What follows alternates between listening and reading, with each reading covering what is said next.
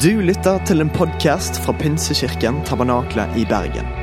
Vi tror at kirken skal være en plass hvor mennesker trives gjennom alle livets faser. En kirke for hele livet. Ønsker du å bli bedre kjent med oss eller holde deg oppdatert? Besøk vår Facebook-side eller ptb.no. Her er ukens tale. Er det noen som er hangry her? Ja. Er det noen som er moody til tider? Nei, bare sånn jevne, fine folk. Så bra. Det er supert. Jeg kan være litt moody. Fikk høre det her eh, på torsdag. Eh, og, og, det som er greia, er at jeg lurer noen ganger på om eh, Gud eh, merker min moodiness. Eh, fordi jeg, det må være vanskelig å forholde seg til meg noen ganger. Og så har jeg tenkt på Gud, er du sånn? Jesus, er du sånn? Er du sånn at når jeg kommer bort til deg, og så sier jeg sånn Hei, hei Jesus, og så sier Jesus sånn altså, Eller en annen dag sånn Hei, Jesus. Så er han sånn Hello. Altså sånn, At han fra dag til dag skifter. Men så står det i Bibelen at det er ingen skiftende skygge i han. Og For meg så ble det en sånn stor åpenbaring om at vi har en Jesus. Uansett hvordan du har det i dag, uansett hvor kjip du kanskje er når du sitter her akkurat nå kan hende du er ganske kjip, jeg kjenner deg ikke, eh, så er det sånn at han vil aldri ha en skiftende skygge. Det betyr han vil alltid være jevn, stabil og stå med åpne armer og si hei. Uansett om du er sånn tilbake. Og For meg så var det sånn trygghet i at jeg har en Jesus som møter meg på en måte jeg ikke fortjener, men jeg får det hver eneste gang. Det samme, samme 'velkommen, Sandra'. 'Velkommen, Sandra'. Du er velkommen. 'Kom, skal vi snakke sammen'. 'Kom, skal vi gå'. 'Kom, skal vi gjøre noe'. 'Kom, bli med meg'. Altså, med en gang jeg retter meg mot han, så er øynene der litt sånn Kanskje litt overdrevet av meg, men Jesus står der, og han har lyst til å møte deg. Så om du er en som kjenner Jesus eller ikke, så kan du vite det at når du kommer inn i dette bygget, så, så kjenner vi en Jesus som vi er ganske frimodige på å snakke om. Som ikke har noe skiftende skygge, som ikke kommer til å møte deg på en måte fordi kanskje du har gjort noe som du ikke burde gjort. Det har jeg i hvert fall sikkert gjort. Jesus møter deg akkurat der du er, og han står der med åpne armer. Og han har skikkelig lyst til å snakke til deg i dag. Han har skikkelig lyst til å møte deg akkurat der du er nå. Og det er bare min bønn om at du skal lytte inn og la deg få lov til å kjenne at å se den Jesus som jeg ser, og den Jesus som jeg har fått lov til å bli kjent med, og den Jesus som elsker meg, ønsker meg, har en plan for livet mitt, og det har han for deg også. Og det er ganske stort. Og med det inngangs... Liksom, men det så kan vi gå inn i denne gudstjenesten og vi kan gå inn i denne talen. Og du kan vite at han står der med åpne øyne, med kjærlighet i øynene, med nåde i øynene. Og det er faktisk helt nydelig. Ingen hangry Jesus. Thank you, Lord. Eh, du, jeg heter Sandra Elen Bjørnø. Det, heter, det betyr faktisk lysets forsvarer. Ja. Så jeg, det er faktisk det. Ja. Altså, mine foreldre hadde tro på meg. Eh, eller menneskehetens forsvarer kan du også. Så det er liksom bare sånn Litt å leve opp til, da, kan du si. Eh, har ikke klart det helt ennå. Jobber med saken.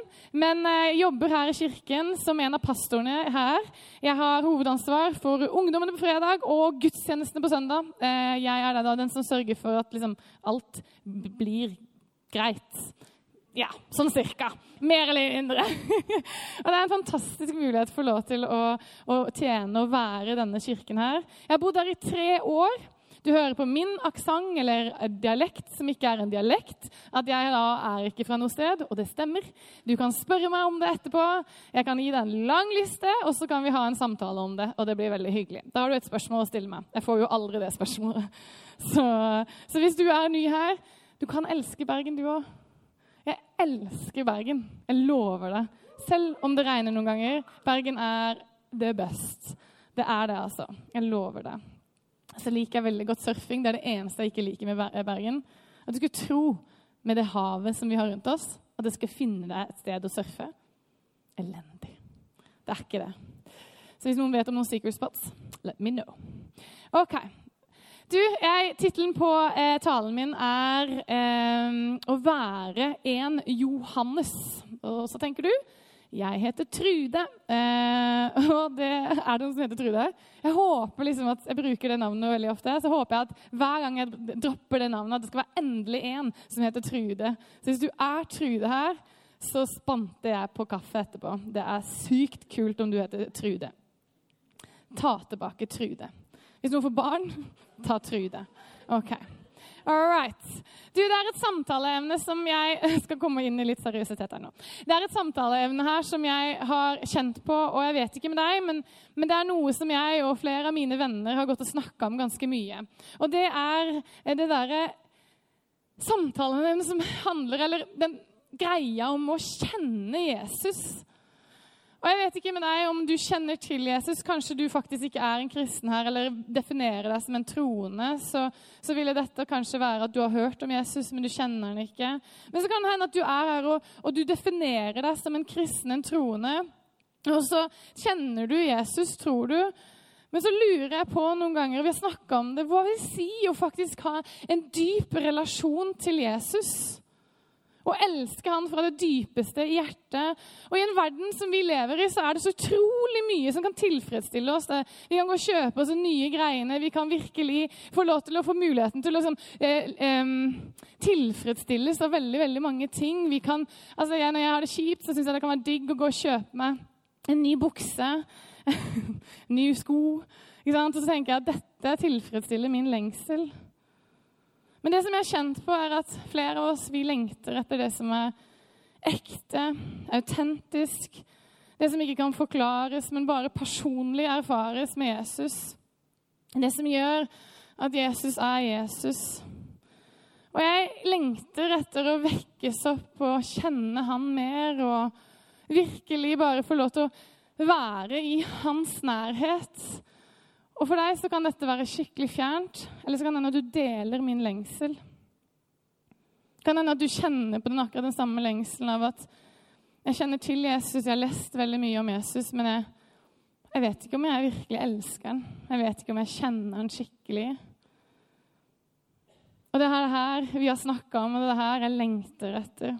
Og Så kommer det ut en, en norsk film som heter 'Disko' eh, i oktober. Og der er Josefine fra Skam med. Eh, og Nicolai Kleve Broch. Det er en film som jeg tror blir en storfilm. Og Det eneste som ligger ute, er traileren, så du kan gå, absolutt gå og se på den. Og Vi har sett på denne filmen sammen, eller traileren, og den har virkelig gjort noe med flere av oss som har snakka om den. Denne filmen handler om en jente som er kristen. Hun går i et miljø litt likt som dette her. Eh, er med, eh, er aktiv, og så er han diskodanser. Eh, og så er greia at en dag så gjør hun det dårlig, og så plutselig så får hun utrolig mange usunne teologiske refleksjoner kasta i sin vei. Mennesker som i henne som, på, som i Jesu navn sier ting som ikke er sunt, ikke er sant, ikke er riktig. Og jeg kjente at når jeg så den traileren, så bare røska det inni meg. For jeg bare sånn Noen må jo fortelle den jenta her at det er feil. Og så ser du videre at hun går inn i en, liksom, i en sekt, og det blir bare voldsomt, mer voldsomt og mer voldsomt i denne her greiene her. Og det gjorde noe med meg, for det ble bare en sånn her, det ser så likt ut til dette som er her. Noe av ikke den sektdelen, men den frikirkedelen. Viktig. Men det var så likt. De sto med å løftede hender, de var i lovsang. De snakka om Jesus, og de, sånn, de snakka på en liksom måte som vi ville gjort. Altså, det var så nært, men samtidig så var det ikke så sunt. Og det som jeg blir så redd for da med denne filmen, eller det som kanskje er min sorg, er at jeg lurer på om mange av oss faktisk ikke vet forskjellen på det som er ekte, og det som er falskt at denne her filmen representerer det som kan se ut som det som er ekte, men så er det så falskt. Det er ikke sånn Jesus er. Det er ikke sånn det er, men det er så veldig nært. Og Det ble så nært for meg at jeg, jeg begynte bare sånn her Åh, hva om folk ikke ser forskjellen? Hva om folk ikke ser forskjellen på dette som er her, og dette som er her mellom meg og Jesus, det som er ekte, det som er sant, det som er godt, det som er ikke, ikke foran alle andre mennesker, det folk ikke vet om den ekte relasjonen til Jesus. Hva om folk ikke klarer å se forskjellen? For det er en forskjell på noe som ser ut som Jesus, og det som faktisk er Jesus. Det som er ekte, og det som er falskt. Til og med på Jesus' tid så var det mennesker som gikk rundt og kalte seg Messias, men de var ikke Messias, de var ikke redningen. Men det så så sånn ut, helt til folk skjønte det var ikke det. Og det er en forskjell på Jesus og en slags Jesus. Det er en forskjell på det ekte og det som er falskt, selv om det kan ligne veldig. Når du kjøper deg en veske i utlandet, så kanskje står det Avivas. Ikke sant? Det er ikke Adidas. Eller du kjøper deg noen sko. Det er Nike eller et eller annet. Jeg, ikke, jeg klarte ikke å komme på noe godt nå. Unnskyld. Jeg kjøper aldri falske ting, tror jeg. Um, det er så likt, sant? Men så er det ikke det. Har du lagt merke til det? Det er en slags Louis Vuitton, men det er ikke det. Det ligner, det er bare at det er striper og ikke ruter eller noe. Altså, Ting er så likt at du nesten ikke klarer å skille. Og Sånn kan det noen ganger være med Jesus. At det faktisk ser så likt ut, falske, denne falske relasjonen med Jesus og det som er ekte. Og Når jeg mener den falske relasjonen, så mener jeg faktisk bare det å vite hvem man er, og ikke kjenne han. For det er en så sykt stor forskjell. Det å leve et eh, liv sammen med Jesus uten å kjenne han, vil jeg si er et ganske kjedelig liv. Men det å leve et liv sammen med Jesus og kjenne Jesus, det er et rikt liv. Det er et, det er et, liv som du er ment til å leve. Det er sånn du er skapt til. Det er det som er den dype lengselen i hvem du er. Det er det eneste, det, det, er det eneste som kan fylle det. Og C.S. Lewis sier at hvis det, altså, uh, this, uh, altså sier han at, at uh, Nå skal jeg prøve å oversette og snakke norsk samtidig. Det her er bra. men det er så mye i denne verden som jeg If I find in myself something in this world this world, Nei, if I find in myself something in this world Nei, nå klarte jeg det ikke, faktisk. Men det han sier Les det sjøl. Det er bra. Jerneteppe her. Eh, ingen som hjelper meg på første rad heller, vet du. Eh, det han sier, er at det er så mye som vi lengter etter, men det vi egentlig er lengter etter, er det som er Jesus. Det vi egentlig lengter etter, er det ekte, det som denne verden ikke kan tilfredsstille. Og det finner du i Jesus. Du finner det bare i Jesus. Men spørsmålet er hva bygger du din tro på? For denne filmen den gjorde noe med meg. Det gjorde noe med at jeg, jeg, lengter etter å kjenne mer og faktisk hjelpe andre til å se at det er en forskjell. Det er noe som er ekte, det er noe som er falskt, og det er så utrolig lett å mikse og bli forvirra. Og spørsmålet er vel egentlig er din tro trygg. Er den stødig? Tåler den en storm? Tåler den spørsmåla? Tåler den en sånn film som kanskje kommer til å være litt utfordrende for noen av dere? Tåler den kritikk? Tåler den spørsmålene og tvilen, til og med din egen tvil? Tåler den det? Hva er troa di bygd på? For hvis du ikke kjenner Jesus for deg selv, så vil du vakle. Da er det ikke lett å stå der og snakke om en eller annen mann som du har hørt om. Men når du kjenner Jesus, og du, deg, du planter deg godt på klippen, når du står stødig og graver dypt og står der, så vil du ikke vakle. Du vil kanskje vaie litt, men du vil ikke vakle, du vil ikke falle av, for du er stødig og stabil. Er du en Johannes, sånn som Johannes, han sier det at han skriver i sin egen bok, Johannes evangelium, at han er den disippelen som Jesus elsker. Det er ganske frimodig. Hæ? Har du en sånn relasjon, en sånn trygghet i din relasjon? med Jesus at du kan si det. Og så kan noen av dere bare sånn Oi, nå føler jeg skikkelig sånn Jeg er ikke god nok kristen. Det er ikke det det handler om. Det er virkelig ikke det det handler om. For en relasjon er noe som du bygger over tid. Men hadde det ikke vært godt om du fikk mer og mer trygghet i din relasjon med Jesus og visste at du var den som Jesus elsker, for han elsker deg. Men hva om du kjente det dype, dypt ned i magen din. At du bare 'Jeg er den som Jesus elsker'. Sannheten er der. Men vet du det? Er det sant for deg? Johannes 4, 7, 4, 7-15 så skal vi lese en tekst om en kvinne, en samaritansk kvinne, som, som er en samaritaner som for, for, de fleste vet at det er, var en, en, dame som ikke var sett på så veldig bra. Du var samaritaner, og du var kvinne. Det var to ting som ikke var så veldig bra. Og Du kan, du kan gå inn i en studiebibel og finne ut av det, men det står det her at hun møter Jesus eh, ved en brønn. Og så sier Jesus til henne, 'La meg få drikke'. Disiplene hans var nå gått inn i byen for å kjøpe mat. Hun sier, 'Hvordan kan du som jøde be meg, en samaritansk kvinne, om å få drikke?' For jødene omgås ikke med samaritanerne. Jesus svarte, 'Om du hadde kjent Guds gave og visst hvem det var som ber deg om å drikke, så hadde, da hadde du bedt ham, og han hadde gitt deg det levende vann.' Herre, sa kvinnen, du har ikke noe å dra opp vann med, og brønnen vår er dyp, og hvor får du da det levende vann fra? Hun catcha det ikke. Du er, vel ikke større enn vår stamfar Jakob? Han ga oss brønnen, og både han selv og bla, bla, bla, bla, bla. Du skjønner at du ikke har skjønt greia. Jesus svarte. Altså, jeg hadde avbrutt, men Jesus venter. Han er god. Jesus svarte, 'Den som drikker av dette vannet, blir tørst igjen.' Men den som drikker av det vannet jeg vil gi, skal aldri mer tørste. For det vannet jeg vil gi, blir i ham en kilde med vann som veller fram og gir evig liv. Kvinnen sa til ham, Herre, gi meg dette vannet så jeg ikke blir tørst igjen, og slipper å gå hit og hente opp vann. Og så ser du videre i historien at hun begynner å skjønne det mer og mer, og mer, og plutselig så går det opp for henne at Jesus er den han sier at han er. Han er den som kan virkelig gi henne det hun trenger.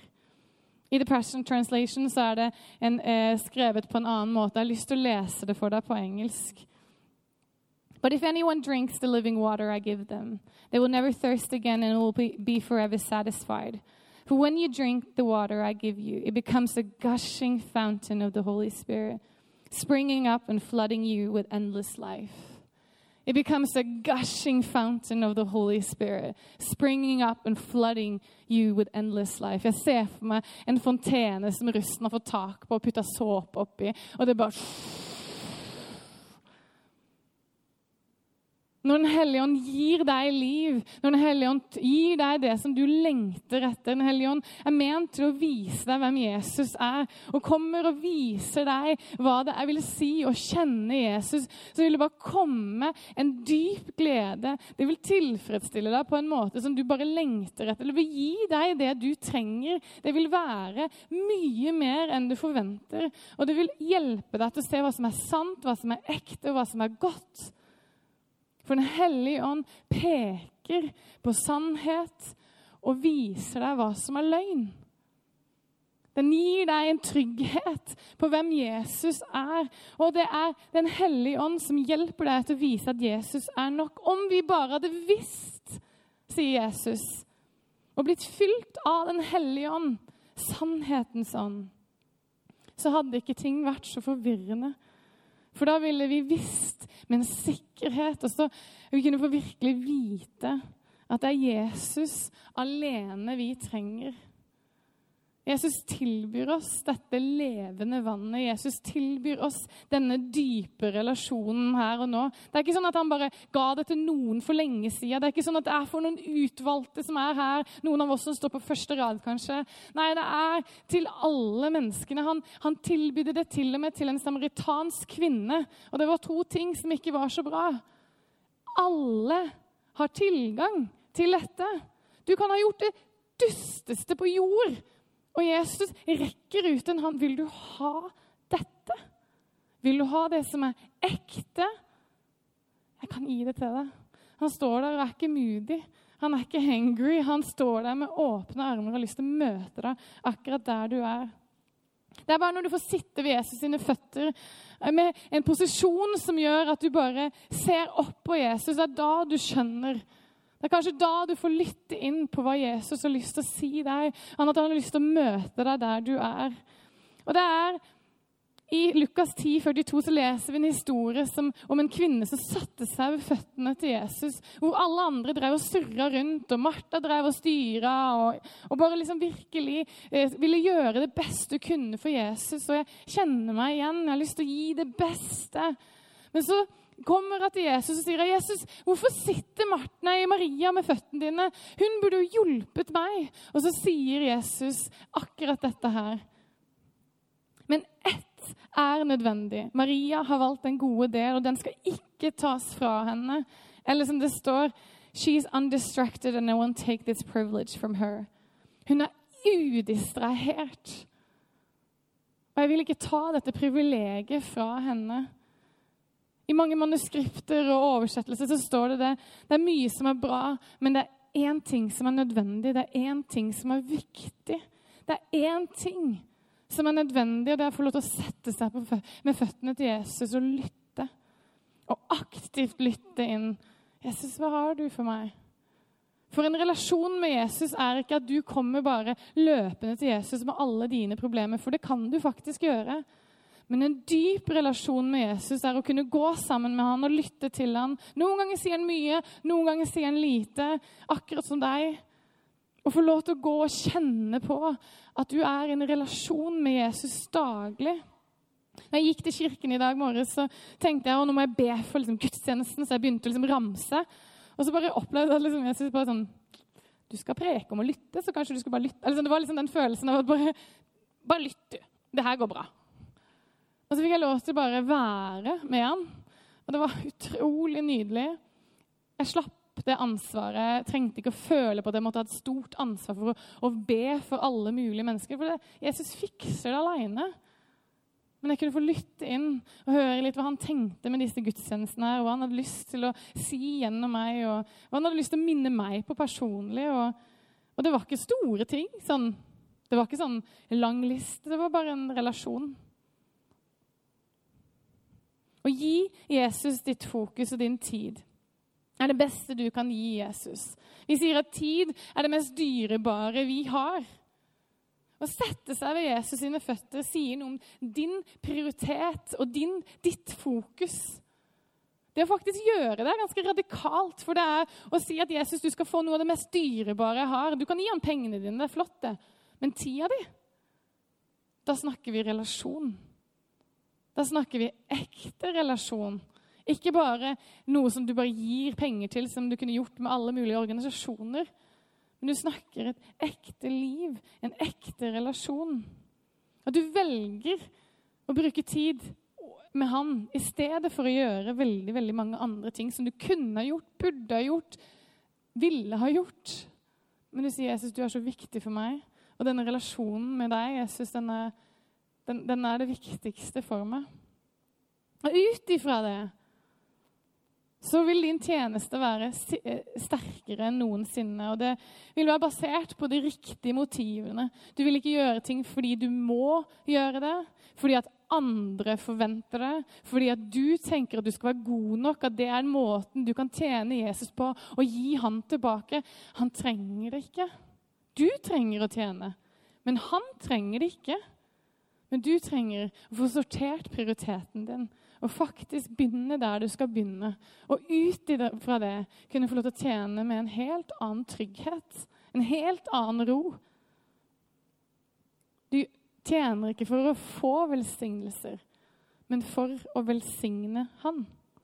Snakke godt om Han. Gjøre Han kjent. Min lengsel er det her at jeg ønsker å ta en Johannes jeg ønsker å være en Johannes, men jeg har lyst til å ta en Johannes. Hva er det som kjennetegner en Johannes? Jeg skal komme tilbake til det. Men du vet det, at det er noen mennesker du sier sånn Når de gjør det og det, så tar du en sånn, sånn, Hvis du skal ta en Martin da, som sitter på første rad her, som synger Radiate, så vil det være noen ganger å growle. og det er sånn Ikke sant? Det er å ta en Martin, vil jeg si, da. Eh, det er andre ting du kan også gjøre.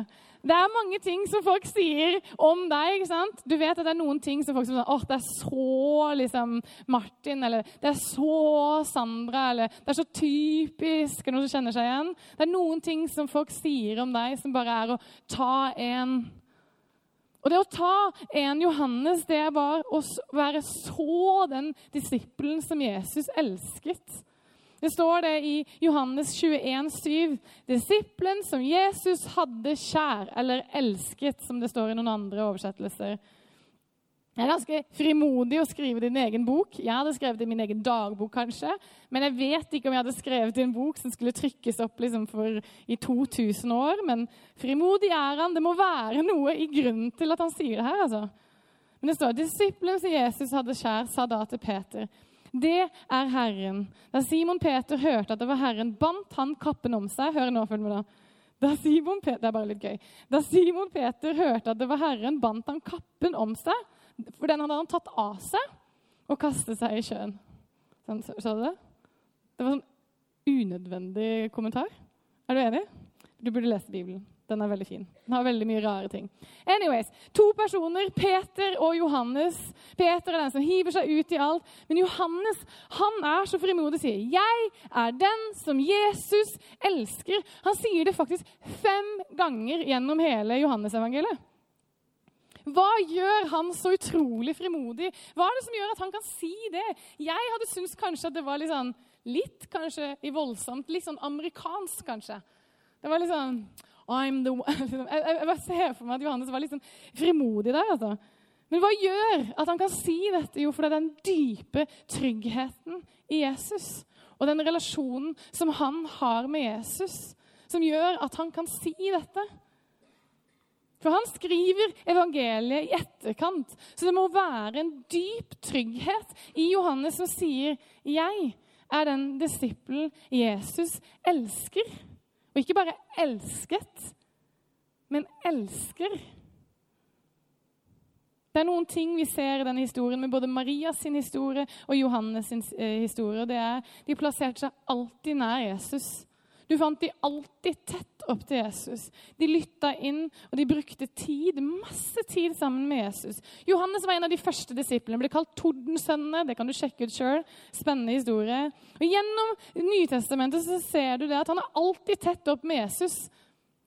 Alltid der. Han var den som satt ved Jesus ved bordet når Jesus og de hadde det siste måltidet sitt sammen. Så sitter Johannes rett ved siden av. Har du sett de der bildene? Så, sånn, og så lener han seg inntil. Eh, og det skal sies at de lå til bords. liksom, men de spiste veldig lenge, så det blir jo litt sliten. og sånt. Eh, for de som har vært i bryllup, vet jo at du kan sitte veldig lenge. Skulle vært godt å ligge litt til bords, kanskje. Og så er greia at han sitter så utrolig tett. Og jeg syns det er litt frimodig, fordi at det å sitte ta stolen rett ved siden av noen, da skal du vite at de vil ha deg der, på en måte. Særlig når det er så lenge. Er du enig? At de du er trygg på, de tar du stolen Selvfølgelig skal jeg sitte her. liksom. Selvfølgelig skal jeg sitte ved siden av Jesus. Jeg og Jesus, best buddies. altså Selvfølgelig skal jeg sitte der. Ingen grunn. Du er trygg på relasjonen. Du er trygg på at du kan automatisk ta den stolen. Og hvis, hvis du ikke kom tidsnok, så har Jesus selvfølgelig holdt av den stolen til deg. Og Sånn er det i de relasjonene vi har. så vet vi at Det er alltid noen som holder av den stolen til oss. For selvfølgelig skal de holde av den stolen. Selvfølgelig skal jeg sitte, for jeg er jo den Jesus elsker. Du tenker jo ikke at det er naturlig at noen andre skal sitte der, for du har jo vunnet konkurransen. Jeg tenker Johannes hadde liksom konkurranse på det. Nei, du, Johannes var den som Jesus elsket. Jesus, Johannes var tett opp til Jesus og visste den siste kvelden var mest sannsynlig at det var noen blandede følelser i Jesus. Det var noen utfordrende greier der. Det var noen ting han ikke visste hva som kom til altså Johannes, Johannes skjønte at det var, noe som, som han, det var noe som kom til å skje, men han skjønte det kanskje ikke helt. Han kjente hjertet dunke. Han var også en av de tre som ble tatt opp på et fjell og fikk se Jesu herlighet. Peter, Jakob og Johannes ble opp, med opp der. Og så ser de at Jesus blir sånn lys og whatever. Jeg skjønner ikke greia. Jeg tror ikke de gjorde heller. Og så kommer det to døde profeter, Moses og Elia. Ganske sjukt. Står de der og snakker, og så eh, skjønner de nok mest sannsynlig ikke egentlig hva som skjedde. Vi lurer litt fortsatt på det. Nei da, vi vet litt av det. Men jeg lurer på om Johannes var sånn Jeg vet ikke hva det her er for noe, men han var der. Han fikk se det fordi han var alltid tett på Jesus. Johannes var inne i den innerste sirkelen. Han var den som fikk være med ut i Getsemane, i den hagen, den kvelden Jesus ble tatt til fange. Den siste kvelden, den mest sårbare kvelden i livet til Jesus. Johannes fikk beskjed av Jesus når Jesus skulle dø, at han skulle ta vare på mammaen hans. Johannes var alltid der. Og så kan man lure på Jesus, har du favoritter. Men man kan se en del forskjell på disiplene gjennom, eh, gjennom Det nye testamentet. Noen var langt unna, noen var veldig nærme. Hvorfor det? Kanskje det var kjemi, kanskje Johannes og Jesus hadde en mye bedre kjemi. De lo av de samme tingene. Hvem vet. Mest sannsynlig så var det nok ikke det. Johannes var veldig ung, og Jesus var kanskje dobbelt så gammel. Og I mine relasjoner så er det ekstremt viktig med en type kjemi, eller at vi har det gøy sammen. Men jeg har lagt merke til en ting. er at De som plasserer seg tett opp i livet mitt og bare er der, de ender jeg opp med å prioritere. Ikke fordi at de, ikke, de er jo ofte veldig bra, og da skal sies. men det er et eller annet med de som bare prioriterer meg, de prioriterer jeg tilbake. Og er det ikke sånn i en relasjon at de som prioriterer deg, de prioriterer du, og de du prioriterer deg, de du prioriterer, de prioriterer deg? Sant? Det er en naturlighet i det. Og jeg tror at vi er nødt til å prioritere Jesus. Jeg tror ikke Jesus er sånn at han, ikke, at han ikke er der hvis du ikke har prioritert den til nå. For han er ikke sånn. Jeg tror faktisk ikke Jesus har favoritter, men jeg tror bare at du må faktisk velge å lene deg inn til Jesus for å vite mer av Jesus. For Jesus kan bare gjøre så mye. Han kan ikke kaste det på deg. Han er nødt til å stå der og si vil du, vil du gå med meg, vil du være med meg, vil du leke med meg, vil du snakke med meg, vil du synge med meg, vil du jobbe med meg, vil du han spør deg. Det er en stor invitasjon som står der for alle, og så er det noen som velger å bare være rett opp i ansiktet til Jesus. Vær en Johannes som presser deg på. Vær en som, som, som bare følger etter uansett hvor Jesus går henne. Plasser deg tett på. Fordi at Johannes fikk se og høre mer enn veldig mange andre. Vær en som lener seg inn til Jesus sitt hjerte og kjenner han. Si ja til det levende vannet. Sørg for å sette deg ved føttene til Jesus. Bruk tid, lytt, la han snakke til deg. Gi han muligheten til å vise hva dette ekte, autentiske, utilgjorte Denne relasjonen, denne nærheten til Jesus er. Hva det egentlig er.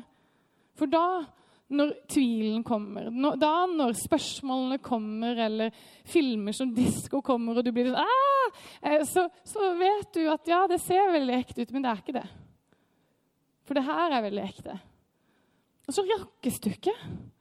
For du vet at du kjenner Jesus, og du er den disippelen Jesus elsker. Du er den personen, den, du er den jenta, den gutten som Jesus elsker. For du er så trygg på din relasjon med Jesus. Vi kan si til deg at Jesus elsker deg, men er en annen ting å faktisk kjenne det for seg selv. Fordi du har brukt tid sammen med Jesus og fått oppleve det for deg selv. Du skal få høre en sang som har virkelig betydd ekstremt mye for meg i det siste. Bandet kan bare komme. Og det er en sang som handler om at det er ingenting annet enn det som er Jesus. Ingenting annet enn det som, som virkelig betyr noe, som, som, bare er det jeg trenger. Og Denne sangen synger at Hører du at han, uh, Cody Carnes synger uh, dette her. Nothing else, nothing else. Take me back to where it started. Ta meg tilbake til hva, der det starta. Og Kanskje så har du vært kristen lenge, kanskje du har kjent Jesus, og så har du blitt vant til det. Du har, du har bare blitt vant til at han alltid er der. og så kjenner du at bare Jeg vet kanskje ikke om det er så tett. Kanskje ikke jeg har satt meg ved siden av Jesus på en stund. Kanskje jeg sitter litt mer i det fjerne. Jeg sitter til bords med Jesus, absolutt. Jeg er fortsatt en kristen, men jeg, men jeg, har ikke valgt å ta favorittplassen. på en måte. Jeg har ikke valgt å bare si selvfølgelig skal jeg sitte ved siden av Jesus. Så kan du få lov til, når du lytter til den sangen her, bare få lov til å reflektere litt over det. Jesus, hvor er vår relasjon? Og for deg som virkelig har en tett relasjon med Jesus, så kan du få lov til å bare si 'Jeg vil ha mer'. Og det som er så fint, er at Jesus sier, 'Jeg har mer'. Han står der med åpne armer. Han er ikke moody. Han skifter ikke humøret sitt. Han er stødig og stabil, og han er en klippe du kan bygge livet ditt på.